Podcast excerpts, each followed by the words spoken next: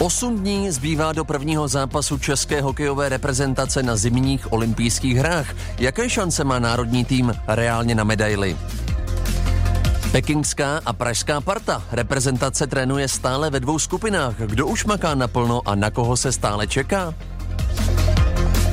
A Pavel Patera skončil na levičce Mladé Boleslavy. Proč se tak rozhodl? Čistá hra Martina Procházky.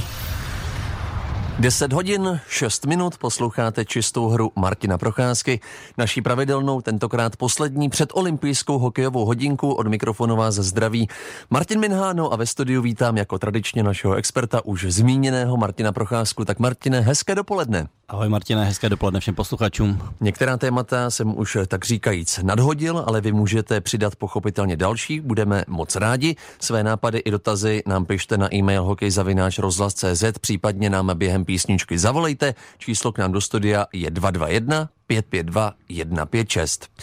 Martine, na začátek eh, dáš mi zapravdu, že 8 dní před startem zimních olympijských her, respektive eh, před prvním utkáním české hokejové reprezentace na zimních olympijských hrách v Pekingu, už je na čase nechat jakoukoliv kritiku stranou, stmelit se, semknout se a držet palce našim hokejistům. Řekl jsi to naprosto perfektně a já si myslím, že Eh, všichni fanoušci teďka eh, zapomenuli na tu přípravu, na ty turnaje, které jsme odehráli a teďka budou věřit, že olympiáda bude úplně o něčem jiným a že ten tým, eh, který trenéři vybrali, že budou mít obrovskou podporu fanoušků a že se nám povede udělat úspěch. Hmm, no já jsem zmiňoval pekingskou a pražskou partu. Čeští reprezentanti, kteří ještě neodcestovali do Číny, pokračují v přípravě na olympijské hry v Praze. V Outu aréně na ledě v pondělí makalo šest hokejistů a také dva brankáři.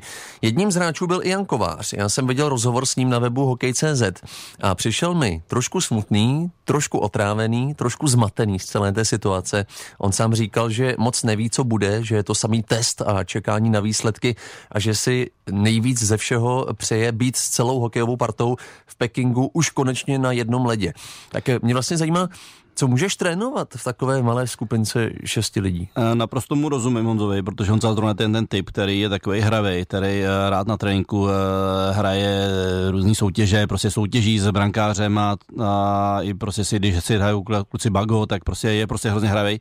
A je mi jasný, že tady ta situace, která je, tak je to v podstatě o nějakých individuálních činnostech. Opravdu se nedá nic moc velkého trénovat ty hráči v podstatě musí eh, dělat cvičení hodně do střelby, každé cvičení v podstatě prý končí střelbou, což je zase na jednu stranu dobře, protože eh, těch střel, který jdou z každého hráče na golmana je hodně a ty kluci si můžou prostě vyzkoušet několik variant střely a, a má to zase svoje plus, takže v tom vidím určitý pozitivum ale je jasné, že ta situace není úplně ideální. Je potřeba, ty kluci jsou zvyklí na nějaký určitý režim, trénovat eh, v pětkách, ve dvojicích, ve trojicích, jsou tam situace 2 na 1, 3 na 2, 3 na 1, to se momentálně nedá dělat a je to hrozně pro ty kluky těžký a dá se říct, že proto možná i trošku deprimující. Možná to je těžké i pro trenéry. Ty si mi sám před naším pořadem říkal, že si zjistil, že duo Straka Špaček se dokonce ptá samotných hráčů, jestli ještě můžou, jestli nechtějí třeba zvolnit. Uh, no je to i pro ně těžký, protože jak říkám, je tam nějaký standardní interval, kdy ty kluci jsou zvyklí trénovat třeba jedna ku třem ty cvičení nějaké, ale tady teďka prostě nemohou, prostě udělat třeba cvičení dva na jednoho a musí pak počkat nějakou dobu, než si zase připraví, než si odpočinou.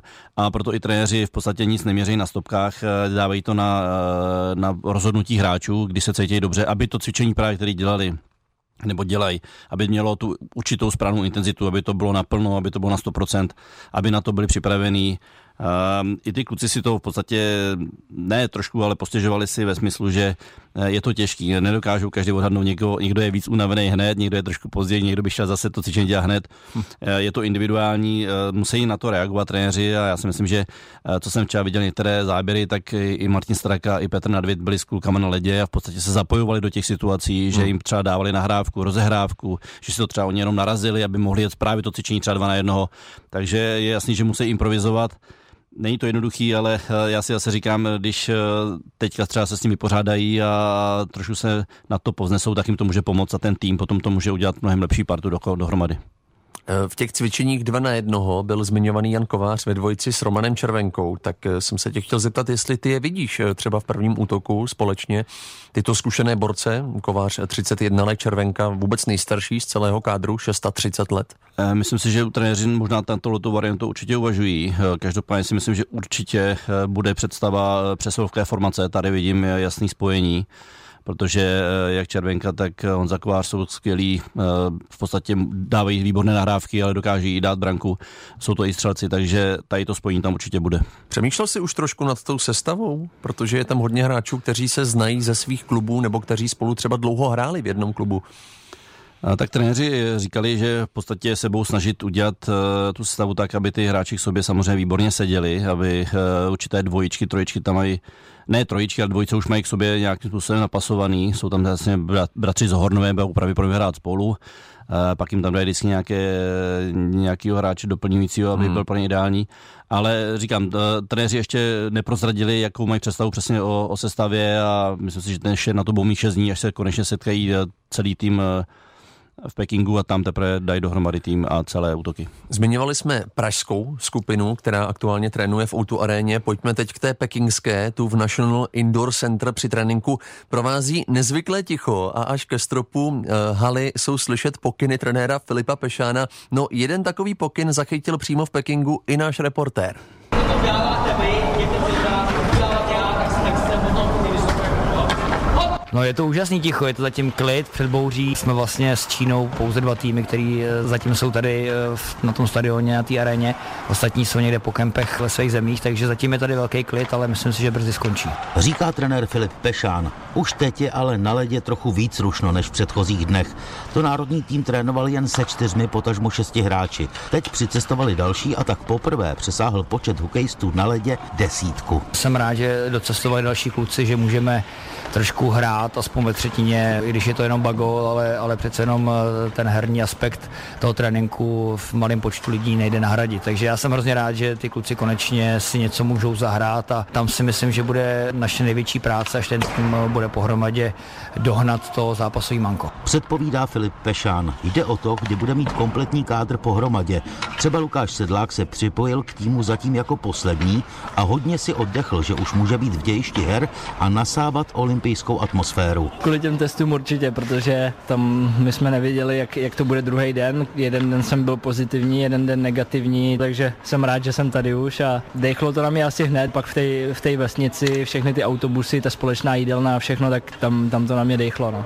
Říká útočník Čeliabinsku, který se snaží rychle si zvyknout na časový posun a taky na netradiční věci spojené s koronavirem. Nečekal jsem, že i když jsme přiletěli letadlem, takže pán, který ukazoval letadlu, kam, kam má najet, tak byl v celém tom, v tom oděvu lékařským, v tom skafandru, tak to mě překvapilo, protože ten vlastně byl jenom venku a, a ukazoval letadlu, kudy má jet. Kroutí s úsměvem hlavou Lukáš Sedlák. Času na to seznámit se s dalšími zvláštnostmi pořadatelů má celkem dost. První zápas totiž národní tým čeká až 9. února proti Dánsku. Z Pekingu Petr Kadeřábek, Radiožurnál. No, nás s Martinem Procházkou hodně zajímá, jak zmiňovaná hala s názvem National Indoor Center vlastně vypadá a obecně jaké podmínky mají aktuálně k tréninku čeští hokejisté. Odpovědět by nám už teď mohl zmíněný reportér Petr Kadeřábek. Tak Petře, jestli se slyšíme hezký podvečer už k tobě do Pekingu. Slyšíme se, přeji hezké dopoledne k vám do Čech. Ty jsi v Číně přibližně 24 hodin, pokud se nepletu. Tak jak na tebe zatím organizace zimních olympijských her vlastně působí? Myslím si, že Číňané to zvládají celkem dobře. Jsou tady nějaké zádrhele. Třeba teď, když jsem se přesouval za českými hokejistkami do Bukesong arény, tak řidič zastavil, byl jsem jediným cestujícím v autobuse a zastavil, otevřel si mapu a hledal, jak dál, ale nakonec dorazil, takže už sleduju český národní tým tady v tréninkové hale. Kam mě mimochodem ves malinký elektrobus eh, od té hlavní haly, takže už sleduje jejich trénink a nácvik přesilovek. No, ty budeš mít zážitku zase. Vem nás do zákulisí českých reprezentačních hokejistů. Ty už si dnes viděl jeden trénink, tak jaká je nálada v pekingské partě a jaké hráče možná tahle zatím nemoc početná skupina vlastně obsahuje?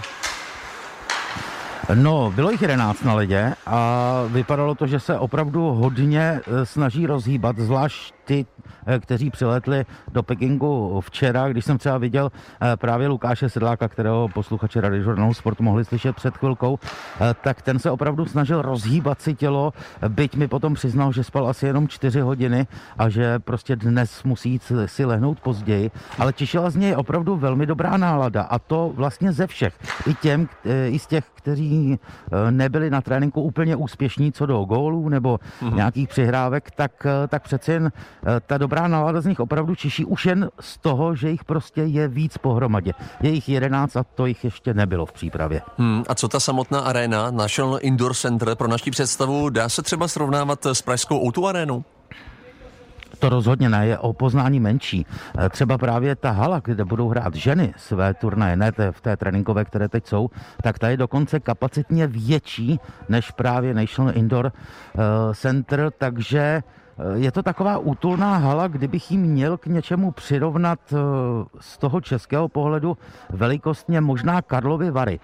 Tomu by se dalo přirovnat, ale je celá modrá, samozřejmě všude jsou Eh, olympijské kruhy. Trošku hráčům dělá problémy to, že je hřiště opravdu velmi úzké, dlouhé a úzké a rohy za brankou jsou velmi ostře eh, vyvedeny, to znamená, že ty puky eh, vyjíždějí z obrané třetiny nebo po nahození do útočné třetiny, tak se ten puk chová trošku jinak, než na co jsou hráči zvyklí. I proto jsou na to vlastně uspůsobeny všechny ty tréninky, které zatím Češi tady mají. Petře, zmiňoval si kapacitu, že je podobná hale Karlový Varu. Eh, už se ví, kolik fanoušků bude puštěno eh, na stadiony? No, zatím se to neví. Jediné, co se ví, že si hokejové týmy mohou jít navzájem fandit. To znamená, že muži mohou jít fandit ženám, ženy mohou jít fandit mužům, pokud samozřejmě tady české ženy ještě v tu dobu budou, ale my to samozřejmě doufáme a oni taky.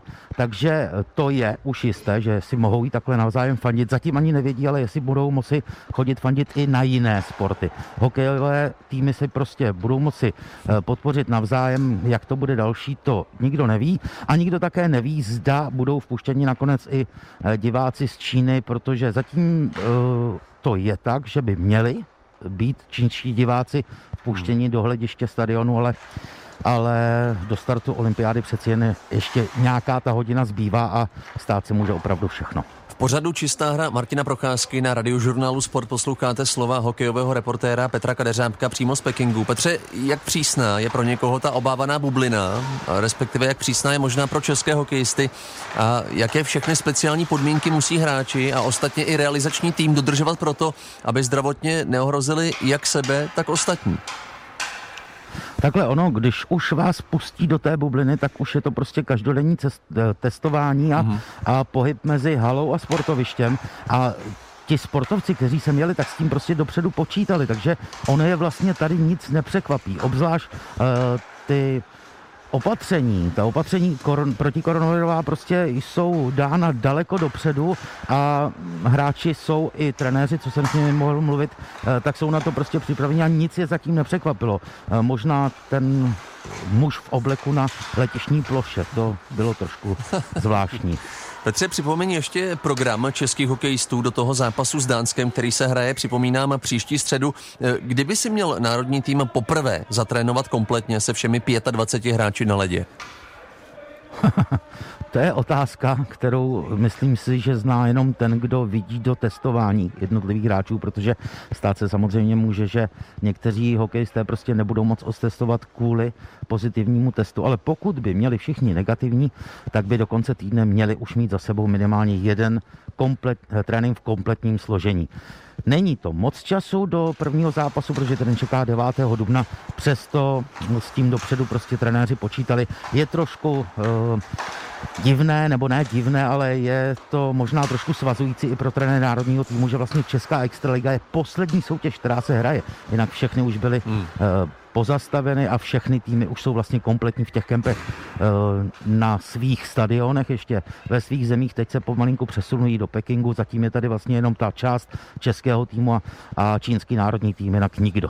Říká reporter Petr Kadeřábek. Mimochodem zjišťoval si u Filipa Pešána, kdo bude kapitánem. Víme to už, protože my jsme o tom spekulovali zatím s Martinem Procházkou v našem pořadu. Já jsem se ho na to ptal off record, ale on říkal, že tohle se rozhodne, až bude ta kabina kompletní. Eh, ty budeš, Petře, sledovat eh, i ženský hokejový turnaj. Ženský národní tým do něj premiérově vstoupí už pozítří, po páté ráno českého času eh, zápasem s Čínou. A pokud se nepletu, a ty už si to podle mě zmiňoval, ty právě teď zjišťuješ novinky z ženského hokejového tábora. Je to tak? Je to tak, budu je zjišťovat a budu se určitě ptát na ten eh, včerejší přípravný duel, který sehráli české hokejsky se Švédkami. A to jsou vlastně jejich největší soupeřky ve skupině. A porazili je Češky, byť si sami ten zápas vlastně i pískali, tak porazili Švédky 5-3 v tomhletom modelovém zápase a určitě ukázali Švédkám, že mají sílu a že chtějí právě tu skupinu vyhrát a zajistit si tak eh, nejen účast ve čtvrtfinále, ale i schůdnějšího soupeře pro případný postup. No, český ženský hokej je, troufnu si říct pro mnohé z nás, eh, takovou novinkou. Kdo je v ženském turnaji vlastně favoritem a troufl by si stvrdit, že český ženský hokejový tým má možná větší šanci na medaily než ten mužský hokejový tým? Já začnu od konce, netroufl bych si to říci. Samozřejmě eh, ženy mají naději na to, aby eh, tady nějakou medaili, nějakou bronzovou medaili vybojovali, protože eh, dostávám se vlastně k první části tvé otázky. Jasným favority jsou zámořské celky Kanada a Spojené státy. Ty jsou prostě odskočeny od zbytku světa a záležet bude na tom, kdo si to, a teď tam přidám i český tým, strojice Finsko, Rusko, Česko, rozdá o tu bronzovou medaili.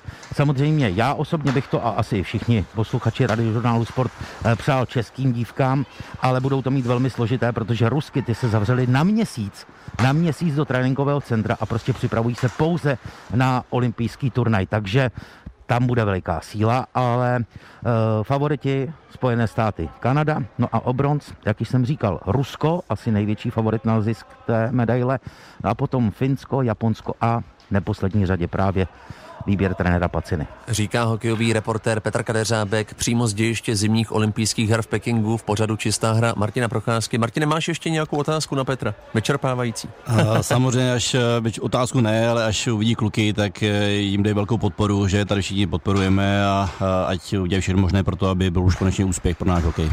Držíme palce, Petře, děkujeme pro tuto chvíli za tvá slova. Díky. Vyřídím a taky se těším zas někdy naslyšenou. To byl Petr Kadeřábek. Martine, pozitivní slova, alespoň eh, z hlasu Petra Kadeřábka jsem slyšel optimismus, tak eh, co ty na to říkáš celkově? Já taky, já si myslím, že eh, paradoxně opravdu tady ta situace, která je, tak i když máme složitou tu přípravu, tak nám to tomu týmu může pomoct. Stává se to, že když jsou problémy prostě v přípravě, tak eh, ten tým se dá pak víc dohromady, více na sebe ty kluci těšejí, víc si toho pak užívají. Eh, jak se říká, tam pak třeba taková ta ponorka, když některý ten tým je dlouho pohromadě spolu, může se stát, že tam je nějaká ponorka, že prostě už to není úplně ideální, nějaký to napětí nebo očekávání vyprchá dřív, než ten turnaj přijde. Tady to naopak může tým pomoct a můžeme udělat úspěch. No, my jsme se bavili i před pořadem o tom, že vlastně český tým, i kdyby prohrál třeba první tři e, zápasy, tak to stále nemusí být průšvih, protože by byl stále v šanci, nebo by měl stále šanci na boj o čtvrtfinále. E, není to možná výhoda, ta současná situace, že ty týmy jsou, řekněme, nečitelné a vlastně to platí i u České republiky. Víme, že najednou nejedou hráči z NHL, eh, víme, že ty týmy se skládaly tak nějak na poslední chvíli. Někteří hráči pochopitelně, a to je už teď jasné, vypadnou i třeba z důvodu právě nemoci COVID-19. Uh, nevím, jak jestli výhoda nebo nevýhoda, ale eh, je to každopádně pro každý tým úplně stejný. Uh, oni do posledních chvíle nebudou vědět, jestli uh, opravdu se někdo onemocní, nemocní, můžou trénovat, pak někdo přijde, najednou bude nemocný, tak to se zase celý rozhodí. Jak říkám, může to tomu týmu pomoct v tom, že eh, se udělá mnohem lepší parta, že všichni vědí, že mají stejné podmínky. Eh, vždycky ten turnaj je co si budeme povídat, eh, je to o partě, je to o tom, jak to klape týmu, kolikrát se může všechno nahradit určitou bojovností, disciplínou, natěšením se do utkání a samozřejmě následnýma úspěchama. Já si myslím, že bude dobrý, když eh, se také podaří ve skupině vyhrát nějaké zápasy. Ono samozřejmě potom ten tým se dostane pod obrovský tlak, eh, když nevyhraje za žádný zápas ve skupině Není to samozřejmě žádný průšvih, ale je lepší, když ty zápasy se vyhrajou a dostanou, jak se říká, klid na hole u hráčů. Takže předpokládám, že klíčový eh, faktor pro úspěch českého týmu bude možná už dobrý výsledek v tom prvním zápase s Dánskem příští týden. Já si myslím, že jo, že eh, není to samozřejmě tak důležité utkání, že přesto se musí vyhrát, ale bylo by dobrý to utkání zvládnout, eh, dostat se do, dostat se do pohody, aby ty kluci si věřili, aby třeba nám šli přesilovky a pak samozřejmě ty dva následní zápasy budou už mnohem, nebo předpokládám, že budou mnohem těžší, ale uh, bylo by dobré samozřejmě tu skupinu vyhrát. To by bylo úplně nejideálnější varianta, protože pak si taky trošku odpočinou, a připraví se na to čtvrtfinálové utkání a mají větší klid. Přejeme vám hezké dopoledne, posloucháte čistou hru Martina Procházky. My se teď jdeme s naším expertem věnovat pro změnu České extralize. V Mladé Boleslavi na vlastní žádost končí trenér Pavel Patera. To je velké téma, které přišlo včera právě z Mladé Boleslavy. Generální manažer Jan Tůma na webu napsal, teď budu citovat, Pavel za mnou přišel po pátečním zápase s Olomoucí. Měli jsme schůzku a tak taky si přes víkend několikrát volali. Nebylo to něco, co by obě strany rozhodly hned z místa. Konec citace. Patera v Mladé Boleslavi, připomeneme, působil od října v roku 2018 a vytvořil rovnocenou trenérskou dvojici eh, s Radimem Rulíkem. Já jsem Martine četl spekulace, že právě ve vztahu s ním a možná také se sportovním ředitelem Radimem Vrbatou byly nějaké problémy. Tak vy jste s Pavlem Paterou, předpokládám, letití kamarádi. Tak eh, nemáš nějaké zákulisní informace? Eh, nemám. Přiznám se, že jsem Pavlovi nevolal, protože vím, že by mi stejně nic neřekl. On tady v těch situacích uh, prostě říká, že uh, to nechce řešit, uh, hlavně to nechce řešit přes média. Takže jsou to opravdu jenom spekulace, těžko říct, co se tam stalo. Každopádně Mladá Boleslav v poslední dobou neměla úplně ideální výsledky. Celkem dobře začala letošní sezónu, ale hmm. pak to postupně začalo upadat. Měli velmi kolisají výsledky, vždycky jeden zápas byli schopni odehrát, ale pak dva, tři prohrát a vypadá to, že tam něco neklapalo, že tam prostě eh, pravděpodobně v tom tandemu s Radimem Rulíkem eh, je možné, že měli každý trošku jiný na to pohled, eh, jiné názory a samozřejmě i ta situace, která potom bobtnala, rostla, Boleslavy momentálně, jak říkám, nedařilo se, zašla padat dolů, dokonce byla už na desátém místě, tak zřejmě něčemu muselo dojít a nakonec se rozhodli a dohodli, že Pavel Patera ukončí zatím angažma. Přitom teď vyhráli v Pardubicích Mladá Boleslav jednoznačně 4-0, ale Pavel Patera už nebyl na lavičce, to musíme zmínit. Ano, to je právě samozřejmě to, že tam už nebyl, takže eh, jak říkám, nevím, jestli to přesně je ten konflikt, jestli mohl vzniknout mezi jenom Radimem Rulíkem, nebo tam dokonce ještě to zasahoval sportovní ředitel Radim Barbata. A mohl tam být takovýhle jak se říká, trouhelník a nakonec toho Pavel vyšel, takže uh, ukončil angažma. Počkej, ty znáš Pavla Pateru, tak nemyslíš si třeba, že má vyšší ambice přeci jen? Že je ambiciozní a chce si možná zkusit eh, v té kariéře ještě něco většího, lepšího? Uh, je ambiciozní. Uh, on když jako i hráč byl, tak byl velice ambiciozní. V podstatě vždycky říkal, že nic jiného nebere než titul. Když věděl, že ten tým prostě třeba nemáme nakladně úplně ideálně poskládaný, byli bychom rádi, kdybychom se dostali třeba do playoff, tak on říkal, vůbec mě to nezajímá, já vždycky chci jenom titul. Takže takhle si myslím, že to bude mít nastavený i v té trenérské fázi, že eh, v podstatě chce mít jenom úspěch, úspěch, úspěch. A pak pokud teda uh, možná dojde k tady těm situacím, že tam je ten stres a neúspěch, takže se nakonec takhle rozhodl. Nemyslím si, že to je něco jiného, že by někde spekuloval o nějakém jiném angažmá, který by třeba teďka měl připravený. Možná uvidíme po sezóně a uvidíme, uh, která nabídka na něho bude čekat kde. Ale ta varianta, že by pověsil Brusle na hřebí, to si myslíš, že nehrozí, že bude chtít pokračovat? A jak ho znám, tak určitě ne. Já si myslím, že on opravdu uh, bude dál chtít pokračovat v té trenérské pozici a říkám, myslím si, že tam bude nabízet potom několik dobrých štací, dobrých možností jít po sezóně do některých z klubů, který budou hledat trenéry, takže já si myslím, že vzhledem tomu, jaký měl úspěchy za sebou během těch tří let, co se teďka zmiňoval, tak dostane nabídku. Pavel Patera to je osobnost, se kterou si ty dlouho hrával. Když vidíš, jak se mu daří, případně občas i nedaří, ale zkrátka je zkrá... pořád v tom hokejovém světě, tak nemáš podobné ambice někdy? že by jsi taky postavil na lavičku. Já se přiznám, že jsem začátku nad tím nějak nespekul, jako neuvažoval, že bych dělal trenéra. Nakonec jsem taky u toho skončil. Eh, sice ne na úrovni extraligového klubu dospělých, ale na nižší kategorii. Eh, vím, že to není nic jednoduchého, že samozřejmě dělat trenéra eh, extraligového týmu je velice náročný a je to možná náročnější, než být hráčem toho týmu, ale ten trenér potom má obrovskou zodpovědnost za celý tým Ale jak říkám, Pavel Patra byl celou dobu v podstatě tady to rozhodnutý, že po konci kariéry bude chtít dělat trenéra a určitě bude mít i nejvyšší cíle. Hmm. Jak často jste vůbec v kontaktu? Protože jednoho to asi napadne, vyhráli jste spolu olympijské zlato, máte za sebou světové šampionáty. Eh, nejsme, mou, nejsme spolu moc v kontaktu. V podstatě, když se jenom vidíme občas na Kladenském zimním stadionu, tak samozřejmě prohodíme pár slov, ale vzhledem k tomu, že Pavel byl teďka tři roky mladé Boleslavy, tak jsem ho tam viděl možná za ty tři roky dvakrát a jinak uh, se nijak extra nestýkáme. Říká Martin Procházka v pořadu Čistá hra ve vysílání radiožurnálu Sport. Otevřu ještě jedno téma v tomto vstupu, které se také týká České extraligy, protože Pražská Sparta na poslední chvíli hodně posilovala, Martine. Vyřešila odchod brankáře Saláka do Švédska tím, že podepsala Juliuse Hudáčka. To je brankář, který prošel, řekněme, nejlepšími evropskými soutěžemi. Naposledy chytal KHL za Dynamo Riga. No a Sparta vlastně oznámila návrat i Tomáška po olympijských hrách a také ruského útočníka Stoljarova. Co tomu říkáš? Toho ruského útočníka to ne, neznám, to přiznám se, že úplně přesně jakoby, e, nevím, jakých, jak, jakých je kvalit, ale každopádně pokud si ho Sparta vybrala, tak zřejmě má dobré informace. E, když řeknu Tomáškovi, tak je to hráč, který v loňské sezóně udělal skoro 50 bodů za Spartu, hmm. měl výbornou sezónu, takže ty moc dobře vědí, co od něho můžou očekávat. Sparta opravdu teďka nabíjí před tím závěrem tu sestavu má velice kvalitní. A u Juliuse Hudáčka, když jsem se díval jaké má v podstatě statistiky, tak eh, kromě té poslední štace, kde byl, jak si myslím, že zmiňoval v Rize, tak byl předtím eh, tři, tři roky byl ve Spartaku Moskva, kde mě měl výborný čísla, eh, pravidelně každou sezonu přes 40 zápasů odchytaných. A myslím si, že v KHL mít takovouhle porci zápasů a myslím, že měl procenta těsně přes 2%, takže to si myslím, že vůbec není špatný. A je jasný, že po odchodu Alexandra Saláka potřebovali ještě někoho jednoho kvalitního golmana, protože už jsme to zmiňovali několikrát.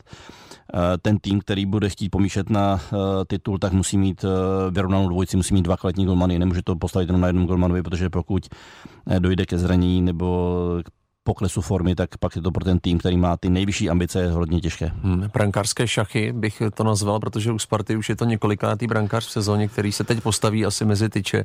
No, ono už to není jenom té sezóně, ale u Sparty to je, když to řeknu, několik sezón na zpátek. Eh, teď jsme to někde, myslím, zmiňovali, že za posledních, eh, nevím kolik, teďka přesně let, snad 15 golmanů se prostřídalo ve Spartě. Je to, je to nějaký zbytečně vysoké číslo.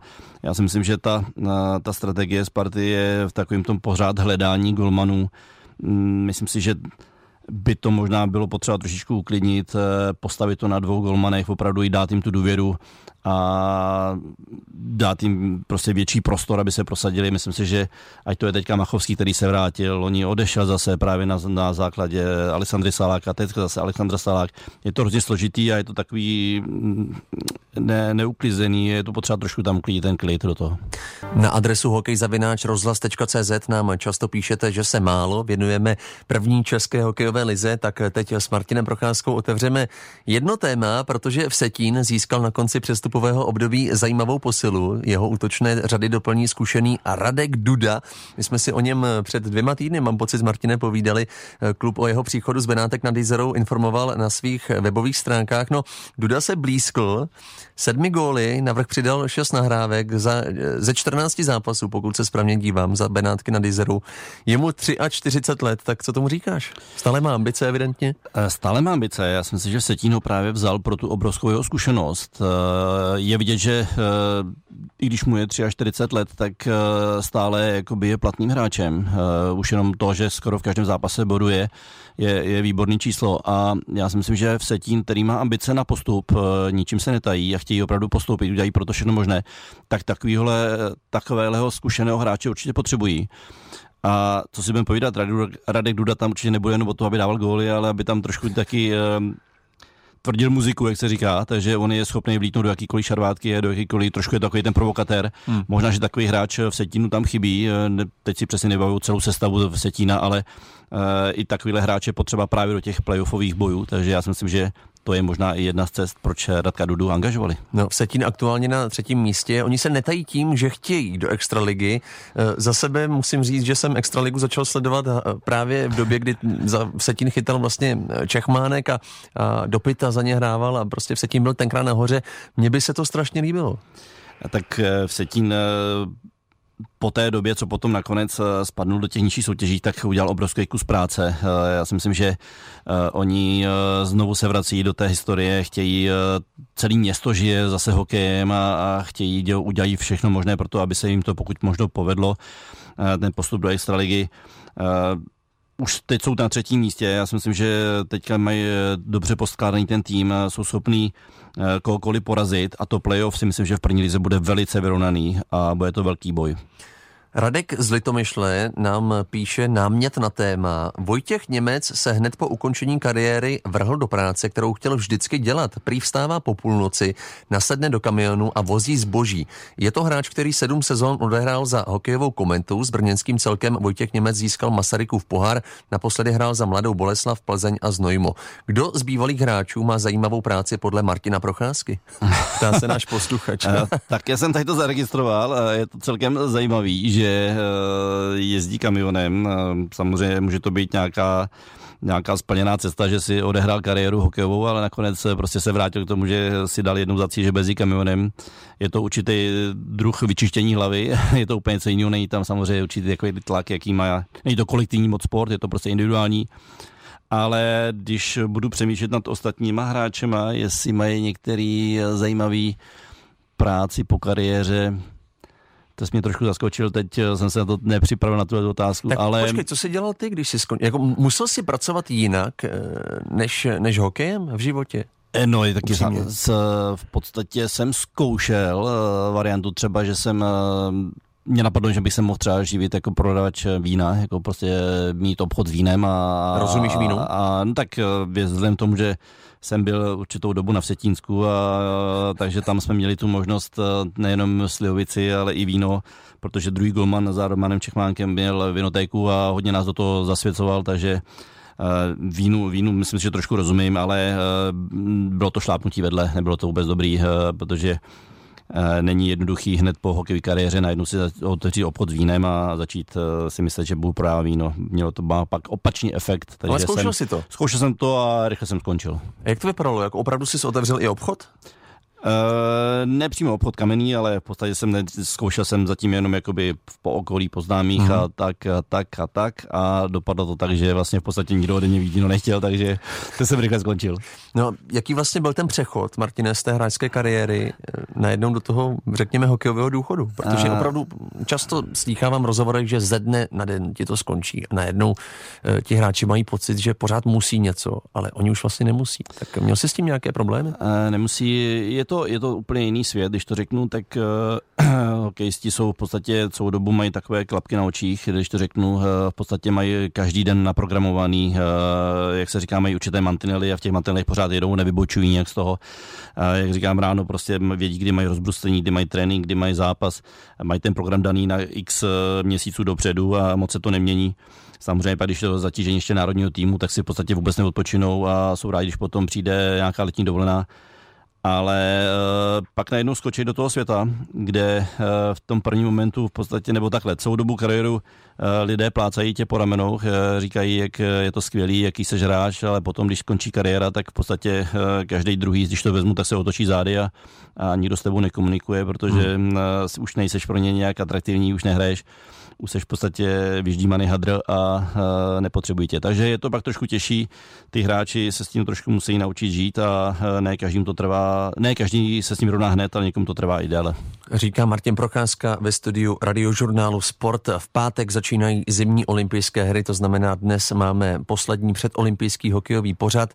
Ty budeš pochopitelně u nás pravidelně, respektive nevíme ještě kdy, ale budeme tě slýchávat i každé odpoledne u nás ve vysílání radiožurnálu Sport budeš takovým naším hokejovým expertem.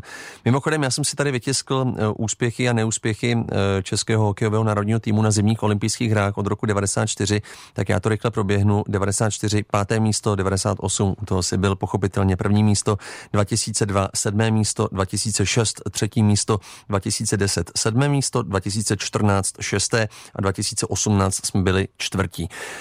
Co by byl úspěch, Martine, podle tebe v Pekingu? Stoupá to z 8. na 4. takže já bych přál klukům a úspěch si myslím, že eh, je vždycky, když se přijde přes čtvrtfinále. Je to částečný úspěch, ale pak už je ta třešnička a je potřeba medaily. Takže já úspěch vybral, kdyby jsme přivezli jakoukoliv medaily, ale i to čtvrtý místo už je částečným úspěchem, ale říkám medaile, medaile. Říká Martin Procházka. Děkuji za dnešek, těším se někdy příště. Já děkuji taky na schánu.